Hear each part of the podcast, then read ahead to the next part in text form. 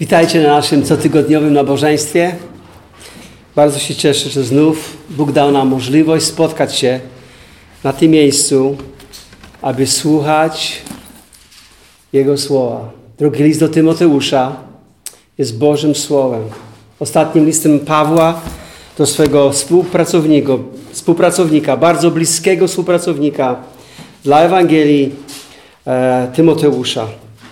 Przeczytajmy osiem wersetów tego ostatniego już rozdziału w naszej serii kazań.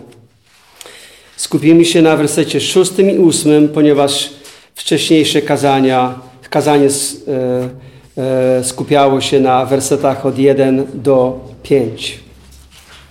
Ale żeby zachować kontekst całego tego opisu, chciałbym przeczytać wszystkie osiem wersetów. Drugi list świętego Pawła do Tymoteusza, rozdział czwarty. Zaklinam Cię tedy przed Bogiem i Chrystusem Jezusem, który będzie sądził żywych i umarłych na objawienie i królestwo Jego. Głoś słowo, bądź w pogotowiu w każdy czas, dogodny czy niedogodny. Karć, grom, napominaj z wszelką cierpliwością i pouczeniem, albowiem przyjdzie czas, że zdrowej nauki nie ścierpią, ale według swoich upodobań nazbierają sobie nauczycieli rządni tego, co ucho łechce i odwrócą ucho od prawdy, a zwrócą się ku baśniom. Ale Ty bądź czujny we wszystkim. Cierp, wykonuj pracę ewangelisty, pełnij rzetelnie służbę swoją albowiem już niebawem będę złożony w ofierze.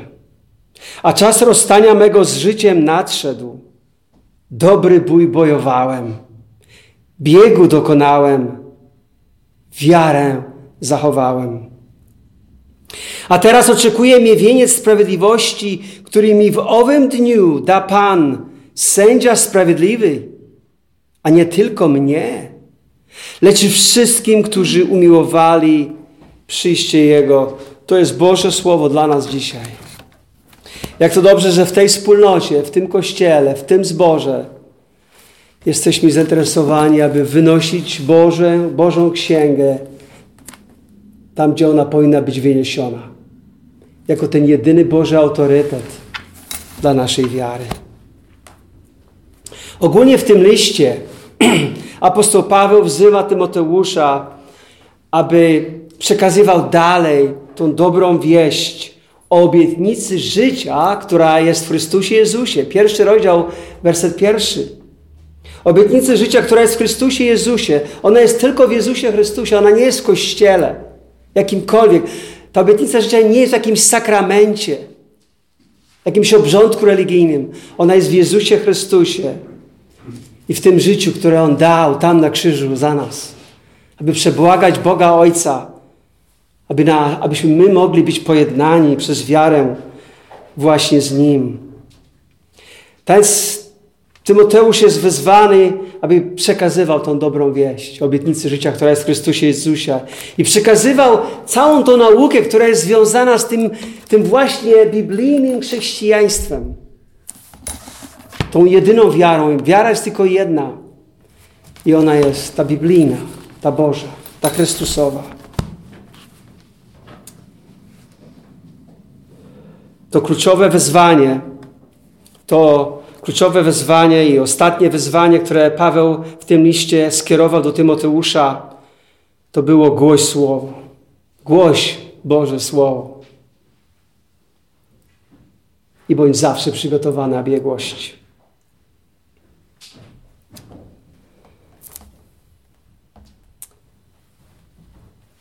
Głoś to Słowo ponieważ to jest Boże Słowo.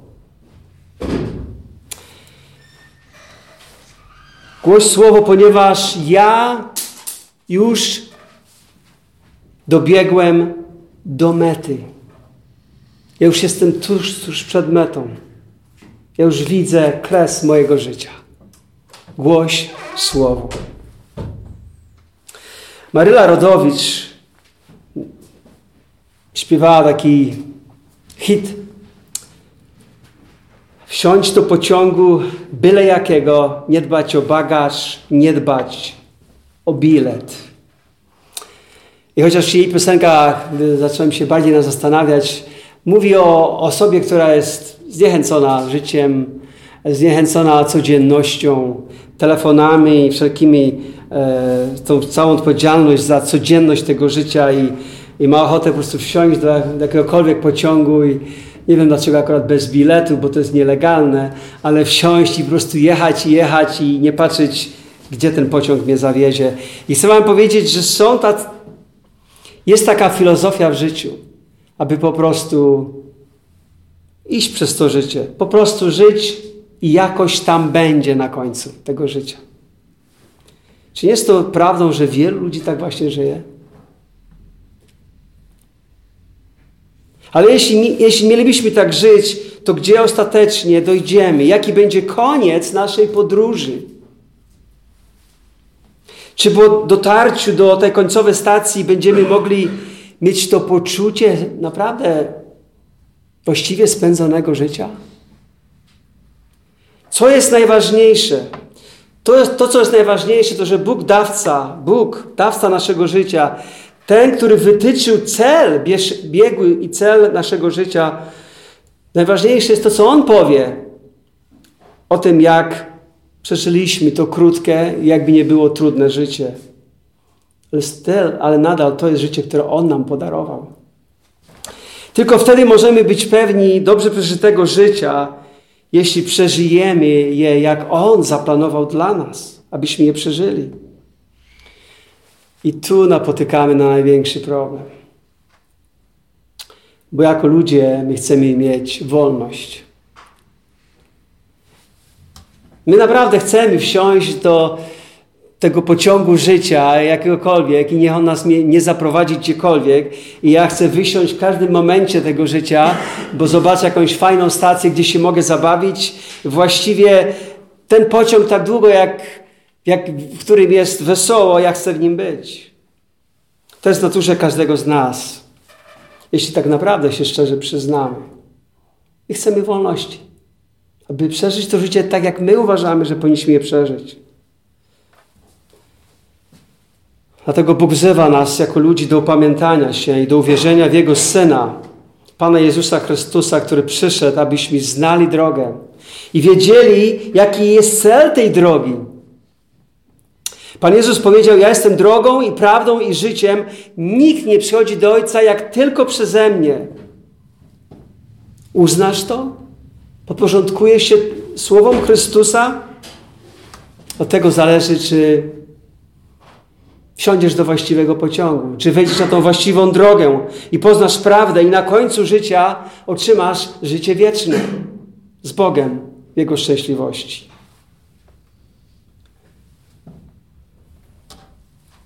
Apostoł Paweł jest w więzieniu.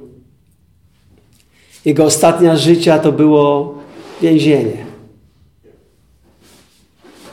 I pisze do swojego bliskiego współpracownika Tymoteusza, który odczuwał ciężar odpowiedzialności, jaka została na nim złożona e, za odpowiedzialność we wspólnocie chrześcijańskiej, w kościele chrześcijańskim. E, czuł to odpowiedzialność Tymoteusz. E, była też, szerzyła się działalność fałszywych nauczycieli, oni coraz bardziej swój krąg rozszerzali. E, w wyniku tych fałszywych nauczycieli pojawiało się odstępstwo e, i ludzie zaczęli odchodzić od naśladowania tej chrześcijańskiej wiary w tym miejscu, w którym przebywał Paweł. I co najgorsze dla Tymoteusza, Paweł, bliski mentor, czyli jego bliski mentor, apostoł Paweł, właśnie został uwięziony za to, że głosił Ewangelię. I nie tylko go uwięziono, ale dano mu już wyrok. Oczekiwał na swoją egzekucję. Nic dziwnego, że Tymoteusz mógł się czuć po prostu przerażony tym wszystkim. Dlatego apostoł Paweł napisał, to jest okazja, aby napisać ten list, ten drugi list i swój ostatni już do Tymoteusza. Jak to dobrze, że to się zachowało, bo Bóg chciał, aby się zachowało. Bóg chciał, aby się zachowało to, co się miało zachować i jest w kanonie Pisma Świętego, Nowego Testamentu i mamy tą, rado, tą radość e, czytać to Słowo e, i w serii naszych kazań rozważać. Właśnie dlatego Paweł napisał cały ten list. Wcześniej mówił głoś Słowo Tymoteuszu.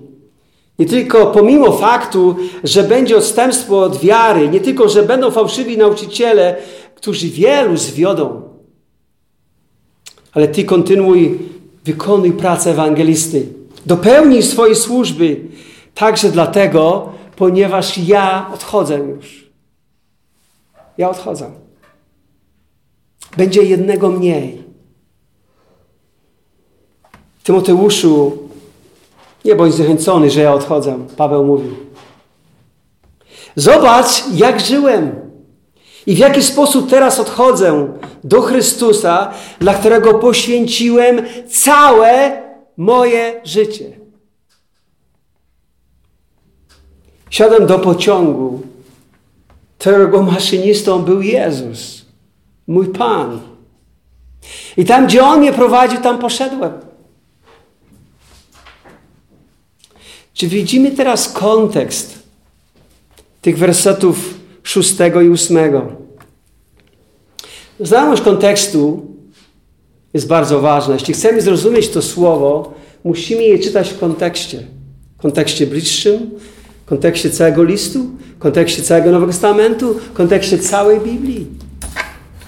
I to wymaga skupienia, kochani. Mam nadzieję, że macie swoje Biblii otwarte i patrzycie się dokładnie, o czym ja mówię. Bo kaznodzieja to nie jest nikt inny, jak tylko ten, który mówi, widzicie, tak tu jest. Tak tu jest. Popatrzcie się. To, jest bardzo osobiste, to są bardzo osobiste słowa, które dzisiaj przeczytaliśmy, apostoła Pawła. Bardzo osobiste. W tych wersetach od 6 do 8 opisuje apostoł Paweł niesamowity triumf, który jest umieszczony w kontekście wezwania Tymoteusza, wezwanie Pawła do Tymoteusza i miał, i miał na celu zachęcenia go i zmotywowania go, aby, aby wypełnił odpowiedzialności swojej służby głoszenia Ewangelii. Jeden z amerykańskich biblistów powiedział, nie możemy wiele zrozumieć z pism Pawła, Niewiele zrozumiemy z pism Pawła bez rozpoznania faktu, że sednem wszystkiego, o czym on pisze, jest Ewangelia.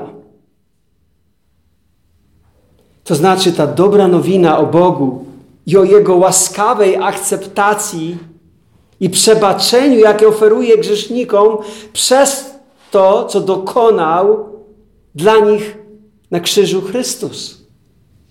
I aby być zaakceptowanym przez Boga, jest tylko jedna właściwa reakcja, jaka jest wymagana. To wiara. To wiara. To ufność. Ufność Bogu, że On naprawdę akceptuje mnie takim, jakim jestem.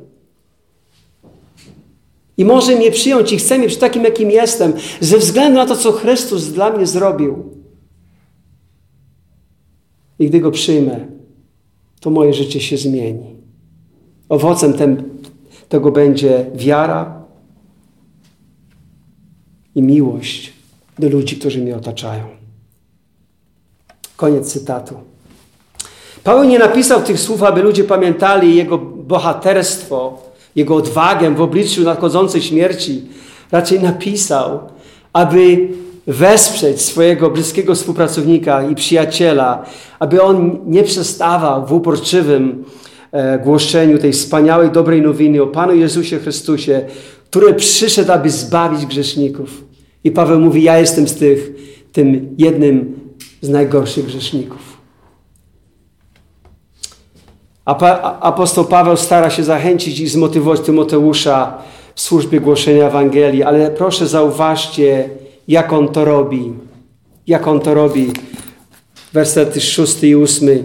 Albowiem już niebawem będę złożony w ofierze, a czas rozstania mego z życiem nadszedł.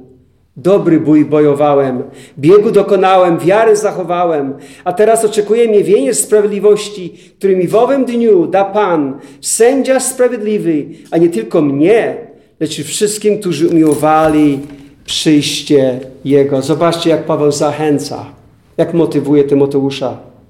Zadam Wam pytanie, jaki jest najlepszy sposób zmotywowania kogoś do zrobienia czegokolwiek dobrego?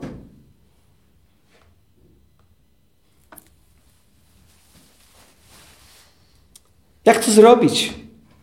Powiem Wam, że najlepszy sposób zachęcenia kogokolwiek, aby zrobić coś dobrego, to jest dać mu dobry przykład. Nieprawdaż? To jest najlepszy sposób zachęcenia kogokolwiek. Ojcze, jaki dajesz przykład swoim dzieciom? Matko, jaki dajesz przykład swoim dzieciom?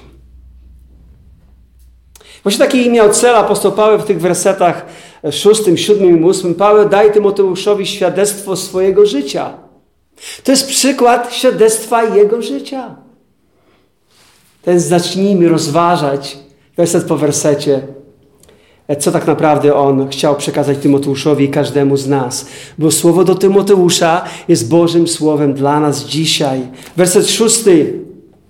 Paweł mówi, albowiem już niebawem będę złożony w ofierze.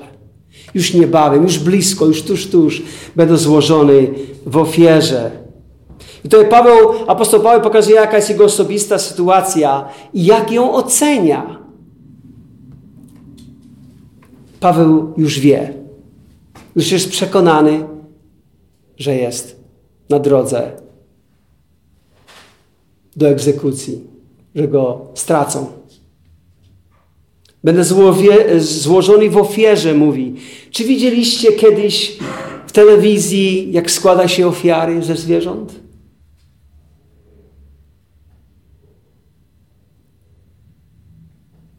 Ja widziałem. Ja mieszkałem na wsi, ja widziałem, jak się zabija zwierzęta, jak się im podcina gardło i wylewa się krew.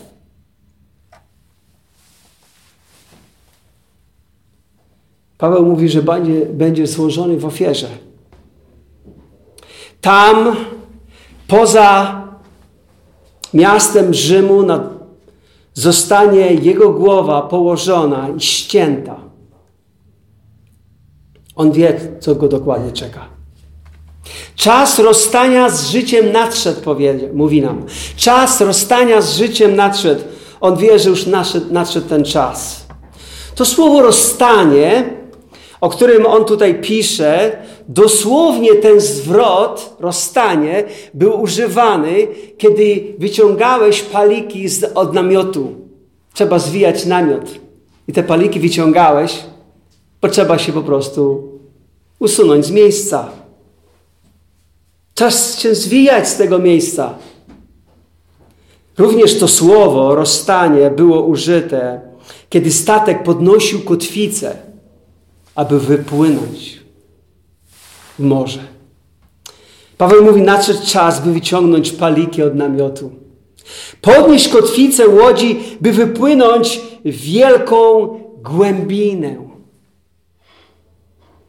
Nadszedł czas mojej śmierci, mówi Paweł. Nigdy nie mamy kontroli nad okolicznościami w naszym życiu, ale zawsze mamy możliwość właściwej reakcji w stosunku do tego, co nas spotkało. I jaka jest reakcja apostoła Pawła? Jego odpowiedź jest: Już niebawem odejdę. Ale ty, Tymoteuszu, masz możliwość i konieczność kontynuowania tego, co ja, w czym ja byłem zaangażowany. I teraz oddajesz swoje życie. Oddajesz swoje życie właśnie za to, czemu się poświęciłem.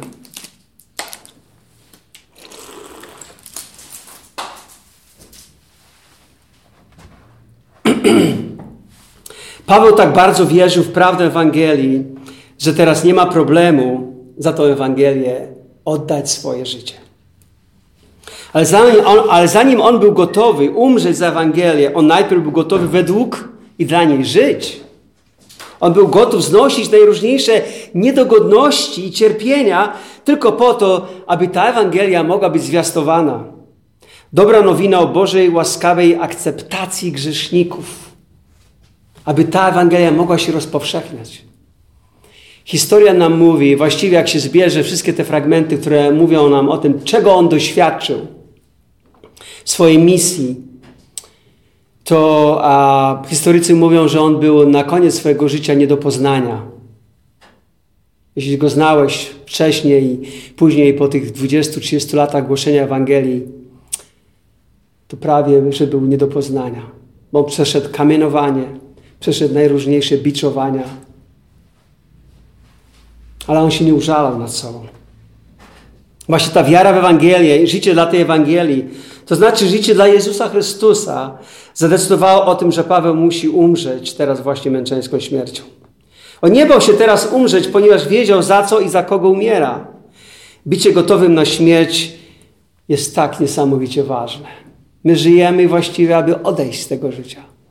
Ale pytanie, czy jesteśmy gotowi, aby odejść? Czy jesteś gotowy na śmierć? Bo ona może Cię spotkać w każdej chwili. Jeżeli nie znasz Pana jako swego osobistego Zbawiciela, to nie możesz powiedzieć, że jesteś gotowy na śmierć. Jeżeli nie żyjesz jako wierzący dla Ewangelii, to nie jesteś tak naprawdę, nie możesz powiedzieć, że jestem gotowy. Pan może przyjść po mnie w każdej chwili. Pytanie, które stawia a Paweł Tymoteuszowi nam dzisiaj jest, czy jestem gotowy żyć według Ewangelii i czy jestem gotowy ją głosić. Nie wystarczy tylko jedno. Którzy żyją według Ewangelii, a nie mają odwagi jej głosić. Inni głoszą ją, ale ich życie jest zaprzeczeniem tego, co głoszą. A to musi być jedno i drugie. Tak nie wsiadłbyś do samolotu, który ma tylko jedno skrzydło. Ja bym od razu taki samolot zobaczył i wrócił do poczekalni. Tak samo jest z naszym życiem. My żyjemy dla Chrystusa, my wierzymy w Chrystusa i, i my głosimy Chrystusa i my żyjemy. I to jest, to jest coś takiego. Życie, tylko życie według Ewangelii, głoszenie jej jest jedynym sposobem bycia dobrze przygotowanym na śmierć. Będąc gotowym na śmierć, powinno być naszą najważniejszą sprawą jako wierzący ludzie. Powinniśmy być gotowi na spotkanie z tym, który wykupił nas, abyśmy żyli już nie dla siebie, a dla tego, który nas umiłował. Nie ma znaczenia, czy jesteś w pełni życia, albo na łożu śmierci, czy jesteś wolną osobą, albo u progu męczeństwa, jak apostoł Paweł. Księga Amosa, czyli prorok Amos w Starym Testamencie, e, e, Pan Bóg przez niego napisał takie słowa: Przygotujcie się na spotkanie z Waszym Bogiem. Do Izraelitów. Przygotujcie się na spotkanie z Waszym Bogiem. Nasze życie to jest przygotowanie tutaj na ziemi. Wielu się najpierw musi przekonać, że, że jest Bóg, z którym będą się musieli rozliczyć, przed którym będą musieli stać. Jeden z takich starszych wierzących ma ponad 90 lat. Nie tak dawno temu był, był w poczekalni e, do swojego lekarza i tam był z nim pewien, e, pewien też starszy człowiek. No i ten nasz wierzący człowiek z jednym z naszych wspólnot opowiada mu o tym, o spotkaniu z Bogiem, o, o niebie. I ten człowiek mówi, ja nie wierzę, ja nie wierzę, że jest niebo, ja nie wierzę, że jest Bóg. Nasz brat powiedział mu, no wiesz co, to jest twój wybór. Właściwie, e, właściwie idąc do piekła nie musisz nic wierzyć. On się naprawdę bardzo przeraził, ten człowiek. Poszedł poszedł do swojej lekarki. On był pierwszy, poszedł do swojej lekarki i mówi, i mówi wie, pan, wie pani co, ten człowiek tam poczekany, on, stara, on starał się mnie nawrócić. I zaczął później, ta lekarka trzeba opowiadać temu naszemu bratu, co ten człowiek opowiadał jej. Jeśli chcesz iść do piekła, ty nie musisz nic wierzyć.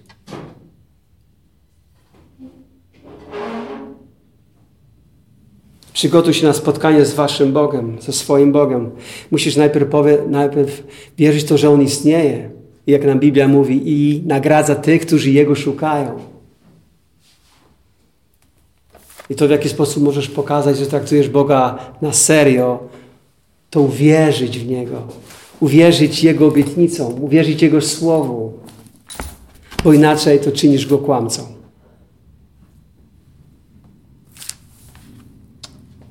Uwierzyć tego, którego On posłał, czyli swojego Syna Jezusa Chrystusa. Uwierzyć i uczynić Go swoim Panem i Zbawicielem i naśladować Go. Wsiąść do Jego pociągu, gdzie On jest maszynistą.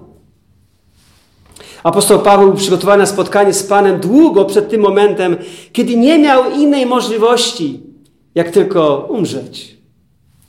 List Dzieje apostolskie nam o tym mówią. Wiele, wiele lat wcześniej, 20 lat wcześniej, przynajmniej apostoł Paweł w Dzieje apostolskie, kiedy spotkał się ze starszymi z Efezu, mówi do nich takie słowa, 20 rozdział, 24 werset. Lecz o życiu moim mówić nie warto i nie przywiązuję do niego wagi, bylebym tylko dokonał biegu mego i służby, którą przyjąłem od Pana Jezusa, żeby składać świadectwo Ewangelii łaski Bożej. To są wzniosłe słowa, które powiedział 20 lat wcześniej, aby, do, aby dokończyć tego biegu, aby wypełnić tą służbę.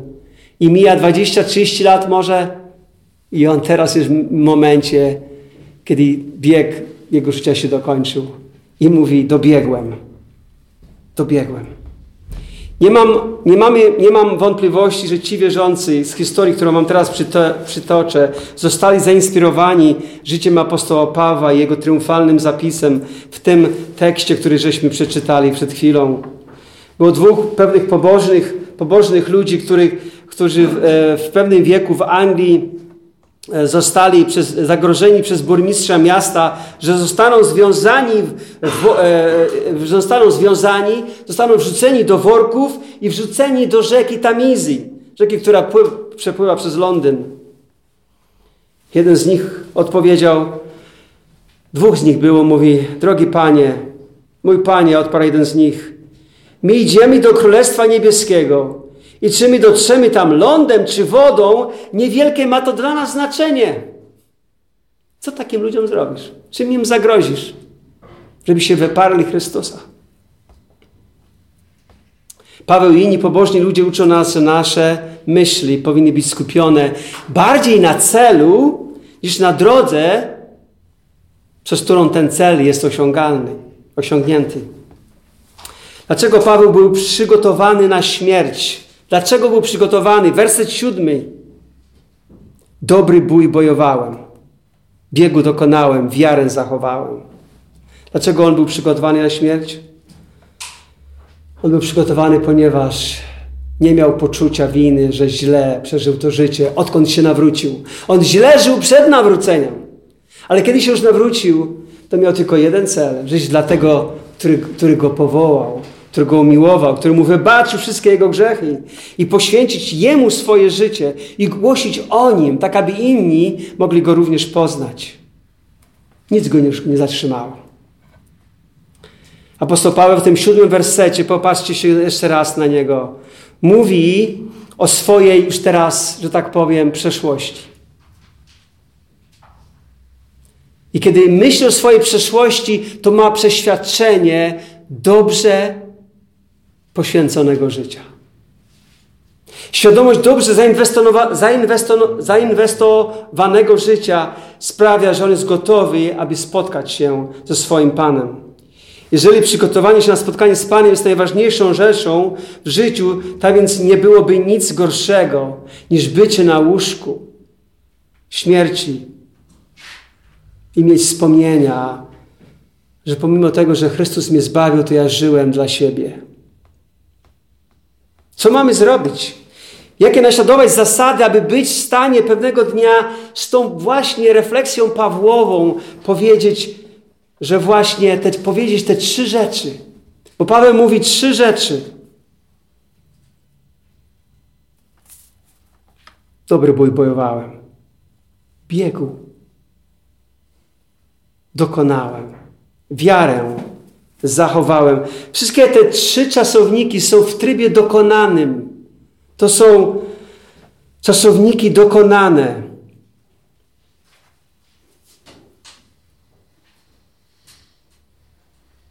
I kiedy wiesz, że już doszedł bieg Twojego życia i leżysz nie tak jak Paweł w celi, ale jesteś na wygodnym łóżku, otoczony kochającą Ciebie rodziną, Ty chcesz być w stanie powiedzieć im te trzy rzeczy. Że dobry bój bojowałem. Biegu dokonałem. Wiarę zachowałem. Chcesz powiedzieć im te trzy rzeczy. Nie ile pieniędzy zarobiłem, nie ilu znałem świetnych ludzi w tym życiu, ale dobry bój bojowałem. Biegu dokonałem. Niekoniecznie tu chodzi o to, że byłem pierwszy, wcale nie, ale dokończyłem tego biegu.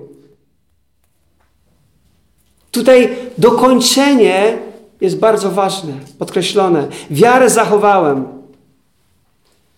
Ja już spotkałem wielu ludzi, którzy zrobili wyznanie swojej wiary, ale się zatrzymali. Ludzi, którzy nie bojują zwycięsko. Właściwie przegrywają swoje bitwy. Nie kończą tego biegu. Wydaje się, że biegną, biegną pewnego momentu, a potem się zatrzymują, zadyszkę łapią, a potem mówią, a nie wiem, czy warto biec. Nawet kiedy pomyślę o tych ostatnich chrztach, jakie mieliśmy, są pewne jednostki, które się albo zatrzymały, albo wylogowały. Zrobiły wyznanie wiary, ochrzciły się, składały świadectwo, słyszeliście je. A dzisiaj, jak z nimi rozmawiasz, to wydaje się, że chcą wsiąść do pociągu i jechać gdziekolwiek on, gdziekolwiek oni uważają, mają pojechać. Paweł mówi te trzy rzeczy. Ja zrobiłem te trzy rzeczy, dokonałem tych trzech rzeczy. Apostoł Paweł był świadomy dobrze spędzonego życia, ponieważ żył swoje chrześcijańskie życie jako uczestnik w bitwie. Mówi, dobry bój bojowałem. Nie słyszymy, żeby kiedykolwiek mówił, że życie chrześcijańskie jest po prostu fajne, zabawne, ciekawe. Idź za Jezusem, a On uczyni Twoje życie ciekawym. On zawsze mówił, że życie chrześcijańskie jest trudne.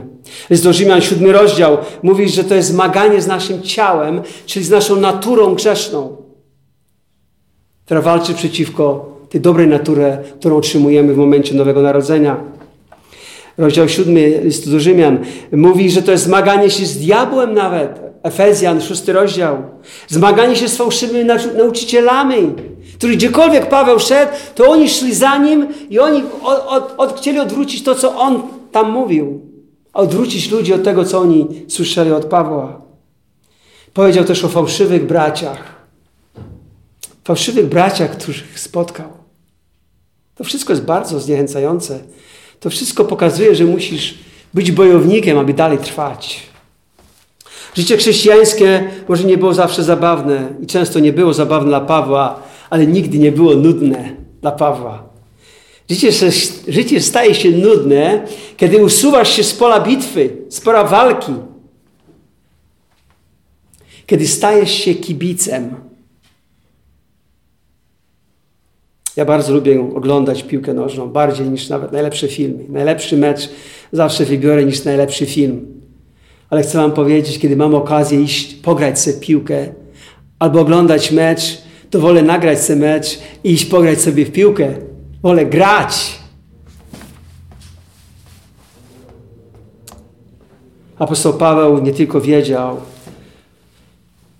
że swoje życie to bój, że jego życie to jest bój i życie chrześcijańskie to jest bój, ale mówi, że to jest też bieg, że to jest też bieg. Biegu dokonało.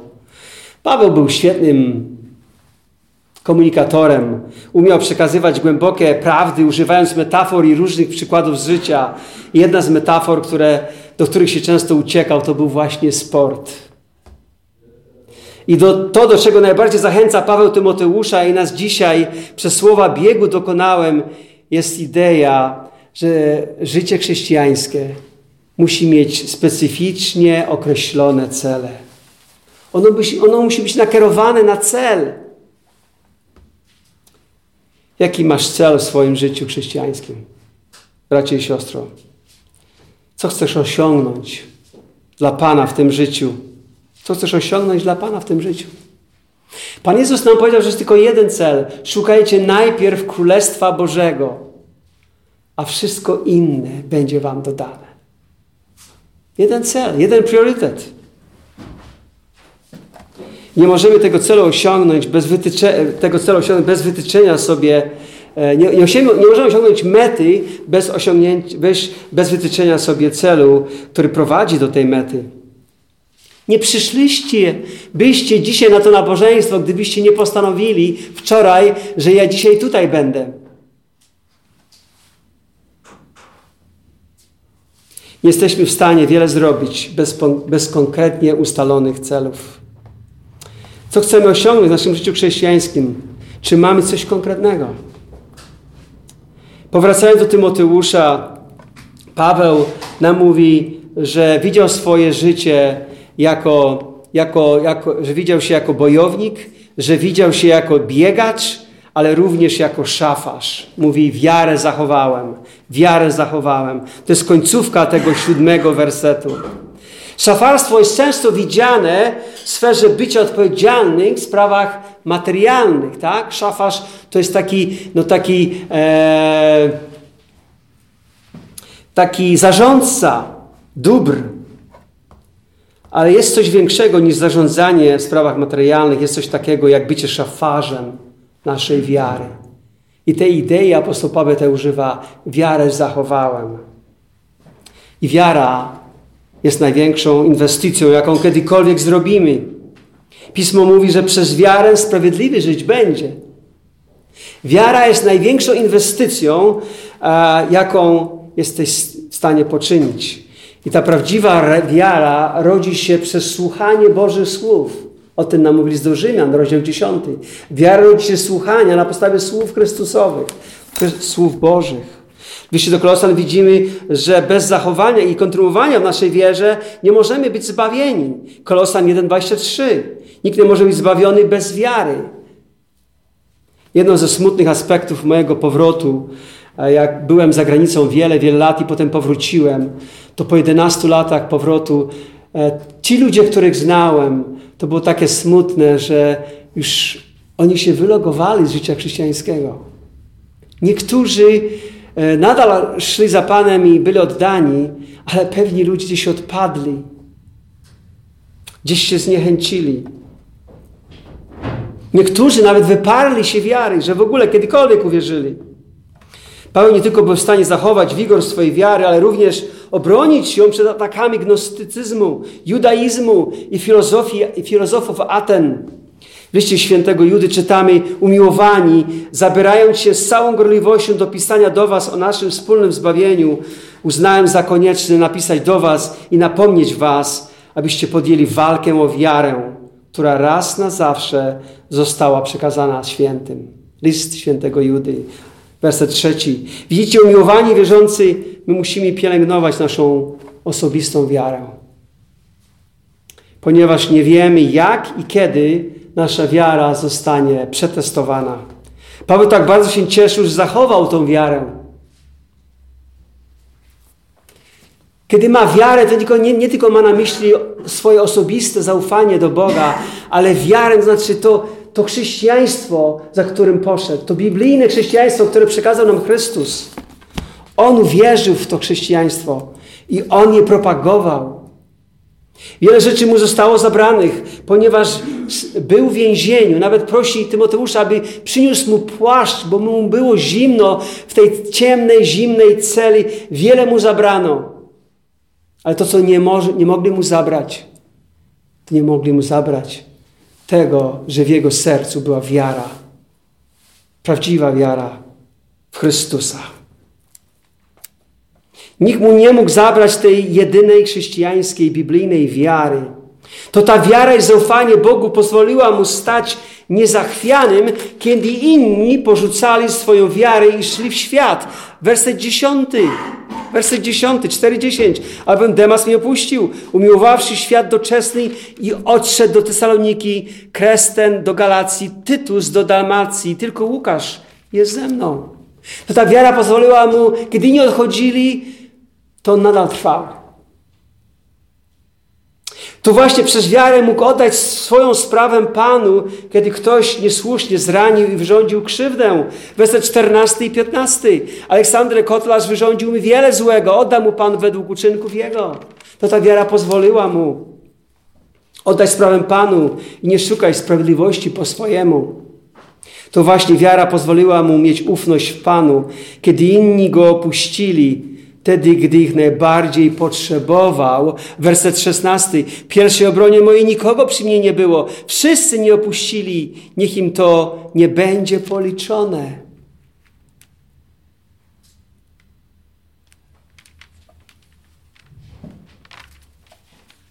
I w końcu to była jego mocno zachowana wiara, przez którą mógł wypowiedzieć te triumfalne, inspirujące słowa, wersy 17 i 18. Ale Pan stał przy mnie i, i, i, dodał mi sił, aby przeze mnie dopełnione było zwiastowanie Ewangelii i aby je słyszeli wszyscy poganie i zostałem wyrwany z paszczy lwiej. Wyrwie mnie Pan ze wszystkiego złego i zachowa dla swojego królestwa niebieskiego. Jemu niech będzie chwała na wieki wieków. Amen. Co za słowa człowieka, który zachował wiarę do końca. Do tej pory dowiedzieliśmy się, że życie chrześcijańskie składa się z walki, z wytrwałego biegu i z, zarząd, i z szafarstwa. Ale czy czekają jakiekolwiek nagrody za tego typu prowadzenie życia? Ktoś może zapytać, co takiego, czy takie życie poświęcone dla Boga jest warte? Co Bóg mi obiecuje, gdy oddam Mu swoje życie i będę szedł za Nim, wsiądę do Jego pociągu i pozwolę, aby On był maszynistą, który poprowadzi mnie gdziekolwiek On zechce. Popatrzmy się na werset ósmy. Ale teraz oczekuje mnie wieniec sprawiedliwości, który mi w owym dniu da Pan, sędzia sprawiedliwy, a nie tylko mnie, lecz i wszystkim, którzy umiłowali przyjście Jego. Do tej pory widzieliśmy, jak Paweł patrzy się w przeszłość, tak? Do tej pory mówię o tym, co się stało. Zachował, przebiegł, dobiegł. To jest przeszłość. A teraz w tym wersecie ósmym on spogląda w przyszłość. On podnosi swoje oczy i patrzy się do przodu i ma wielką radość, co leży w jego bliskim zasięgu że jest nagroda. Że jest nagroda. I ta nagroda jest, ta nagroda nie jest dla kibiców, chcę wam powiedzieć. To nie jest dla tych, którzy klaskali, jak inni tam się trudzili na boisku, na polu bitwy. Ta nagroda jest dla tych, co co uczestniczyli w boju, co uczestniczyli w biegu, którzy zachowali tą wiarę. Zbawienie jest z łaski. Za darmo z łaski przez, przez wiarę. Tylko dlatego, że powiesz, Boże, ja nie zasługuję, ja, ja sam się nie zbawię. Zbaw mnie od moich grzechów. I Bóg zbawia Cię, okazuje Ci łaskę. Tylko dlatego, że wierzysz. Bo Chrystus już na krzyżu zapłacił za wszystkie Twoje grzechy. Zbawienie z darem z łaski przez wiarę i tylko przez wiarę. Ale kiedy otrzymamy tą łaskę, Bóg daje nam swojego Ducha Świętego. I On chce, abyśmy żyli już teraz dla Niego. I żebyśmy byli gotowi na wszystko to, co On wyznaczył dla nas. I On mówi, że jeżeli będziemy żyć dla Niego, to jest nagroda. Która jest też z łaski, ale zdana wierzącym i ona jest uzależniona od wierności w służbie dla Pana. Nagrody są koniecznością, i wynikiem sprawiedliwości Bożej. On za złe karze i za dobre wynagradza. Paweł mówi, że on jest sędzią sprawiedliwym. On jest sędzią sprawiedliwym. On jest sprawiedliwym sędzią, wynagrodzi, wynagrodzi każdego, jak Paweł mówi. Nie tylko jego wynagrodzi, ale każdego. Nawet tych, którzy podali kubek zimnej wody prorokowi, kaznodziei, komukolwiek, kto głosił Ewangelię, i ta osoba będzie miała udział w tej nagrodzie i w tej służbie, którą czynił ten dany e, ewangelista dla Pana. Paweł mówi, że przyjdzie taki dzień. Mówi, w tym dniu, nie ma na myśli w dniu śmierci, ale w dniu, kiedy przyjdzie Pan i kiedy On wszystko oceni. On wszystko oceni, On wszystko zapisuje. On wynagrodzi tych, którzy umiłowali przyjście Jego. Ta nagroda jest dla tych wszystkich, którzy miłowali przyjście Jego, którzy z utęsknieniem czekają na Jego przyjście. I to wpływa na ich życie. To musi wpłynąć na ich życie. I tutaj w oryginalnym języku miłowali przyjście Jego jest w takim czasie, który wskazuje raczej na zwyczaj, niż na jednorazowe czy, przypadkowy, czy jakiś przypadkowy rodzaj miłości. Jakiś chwilowy, jakieś chwilowe uniesienie. Nie, nie. Tu jest o, o raczej zwyczaj. Umiłowali przyjście Jego. Z utęsknieniem czekali na Jego przyjście. Oczekiwanie na Pana, tak jak w przypowieściach czytamy. Pan Jezus nam powiedział pewne, pewne podobieństwa, których, przypowieści, których, których nas uczył, że mamy być czujni, bo On może przyjść w każdej chwili. I nie chce On nas zastać z założonymi rękami ale on powiedział, że chce nas zastać w służbie, tak? W służbie. Paweł mówi, ja te wszystkie trzy rzeczy dokonałem. Boju.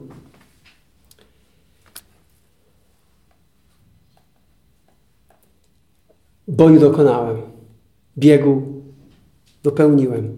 Wiarę zachowałem. A teraz czeka na mnie wieniec. Tu nie jest mowa o koronie, raczej o wieńcu, o, tym, o tej laurce. Wiecie, w tamtych czasach, o których on mówi, to e, jak uczestniczyłeś w biegu, nie gdy kibicowałeś, ale jak uczestniczyłeś w biegu, w tym maratonie, w tej olimpiadzie, to, ty, to gdy dobiegłeś, to dawano ci właśnie taką laurowo, taki laurowy wieniec. I wiecie, w tamtym klimacie, ile ten wieniec był w stanie, e, jak to się mówi, zanim zwiąd, zwiąd się mówi, tak?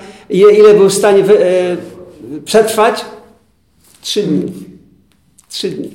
I było koniec. Ale ten wieniec, który czeka dla tych, którzy z poświęceniem żyli dla Chrystusa, on będzie wieczny. On będzie wieczny. Dla tych, którzy podporządkowali swoje życie temu rygorowi bycia sportowcem dla Boga. I kiedy tam staną przed Chrystusem, On im da ten wieniec. Jeden z moich wykładowców, zapytany przez jednego z moich kolegów, studentów, co by Pan zrobił, gdyby Pan się dowiedział, że dzisiaj, dzisiaj tego dnia, tam właśnie e, na uczelni tego dnia, dzisiaj o 14 Chrystus miałby przyjść. Co by Pan zrobił? A był poranek. On mówi, hmm, zastanowił się, potem odpowiedział, poszedłbym na mój wykład o 14, jaki mam. Ponieważ o tej godzinie miał zawsze wykład. Innymi słowy, ten profesor bardzo mądrze odpowiedział: Jeśli bym wiedział, że Pan Jezus ma przyjść o 14, to bym zrobił to, co powinienem zrobić właśnie w tej chwili. Co było moją powinnością tego dnia. Oczekuj, oczek, oczekujemy na przyjście Pana, żeby Jego przyjście. Oczekujmy tak na przyjście Pana, aby jego przyjście zastało nas czuwających, wiernie czuwających przy tym, co On nam zlecił, do czego On nas powołał. To jest umiłowanie Jego sobie i tego, co On nam zlecił do zrobienia, zanim przyjdzie. Na zakończenie, jak myślicie, Tymoteusz został zachęcony przykładem apostoła Pawła? Ja jestem zachęcony. O ile jest bardziej Tymoteusz, który znał Tymote y, Pawła. Jestem, prze, jestem pewny, że pis, spisane słowa, te ostatnie słowa Pawła zachęciły i zmobilizowały go. Jestem pewny, że Tymoteusz był gotów wypełnić swoją rolę, a do tego go Paweł zachęca. Dopełnij swojej służby, wykonuj pracę ewangelisty. Dopełnij tej służby, dobiegnij do końca. Bo mówi, ja dobiegłem. ja, dobie, ja dobiegłem.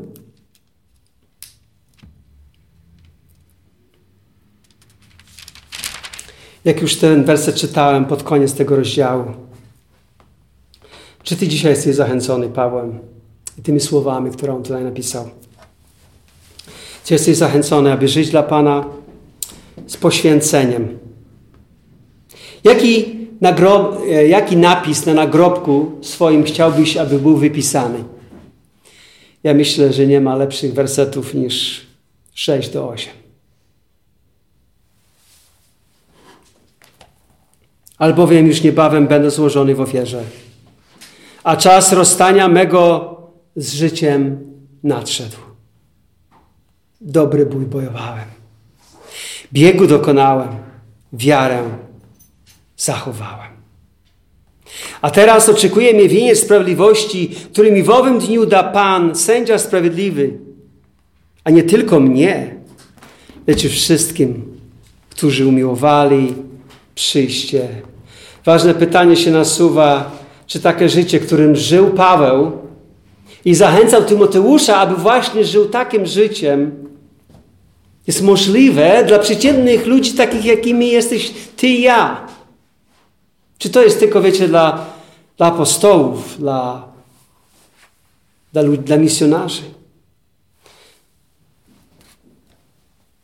Apostoł Paweł zawsze nauczał, że takie życie, jakie on prowadził, było osiągalne dla każdego wierzącego, dla każdego naśladowcy Chrystusa.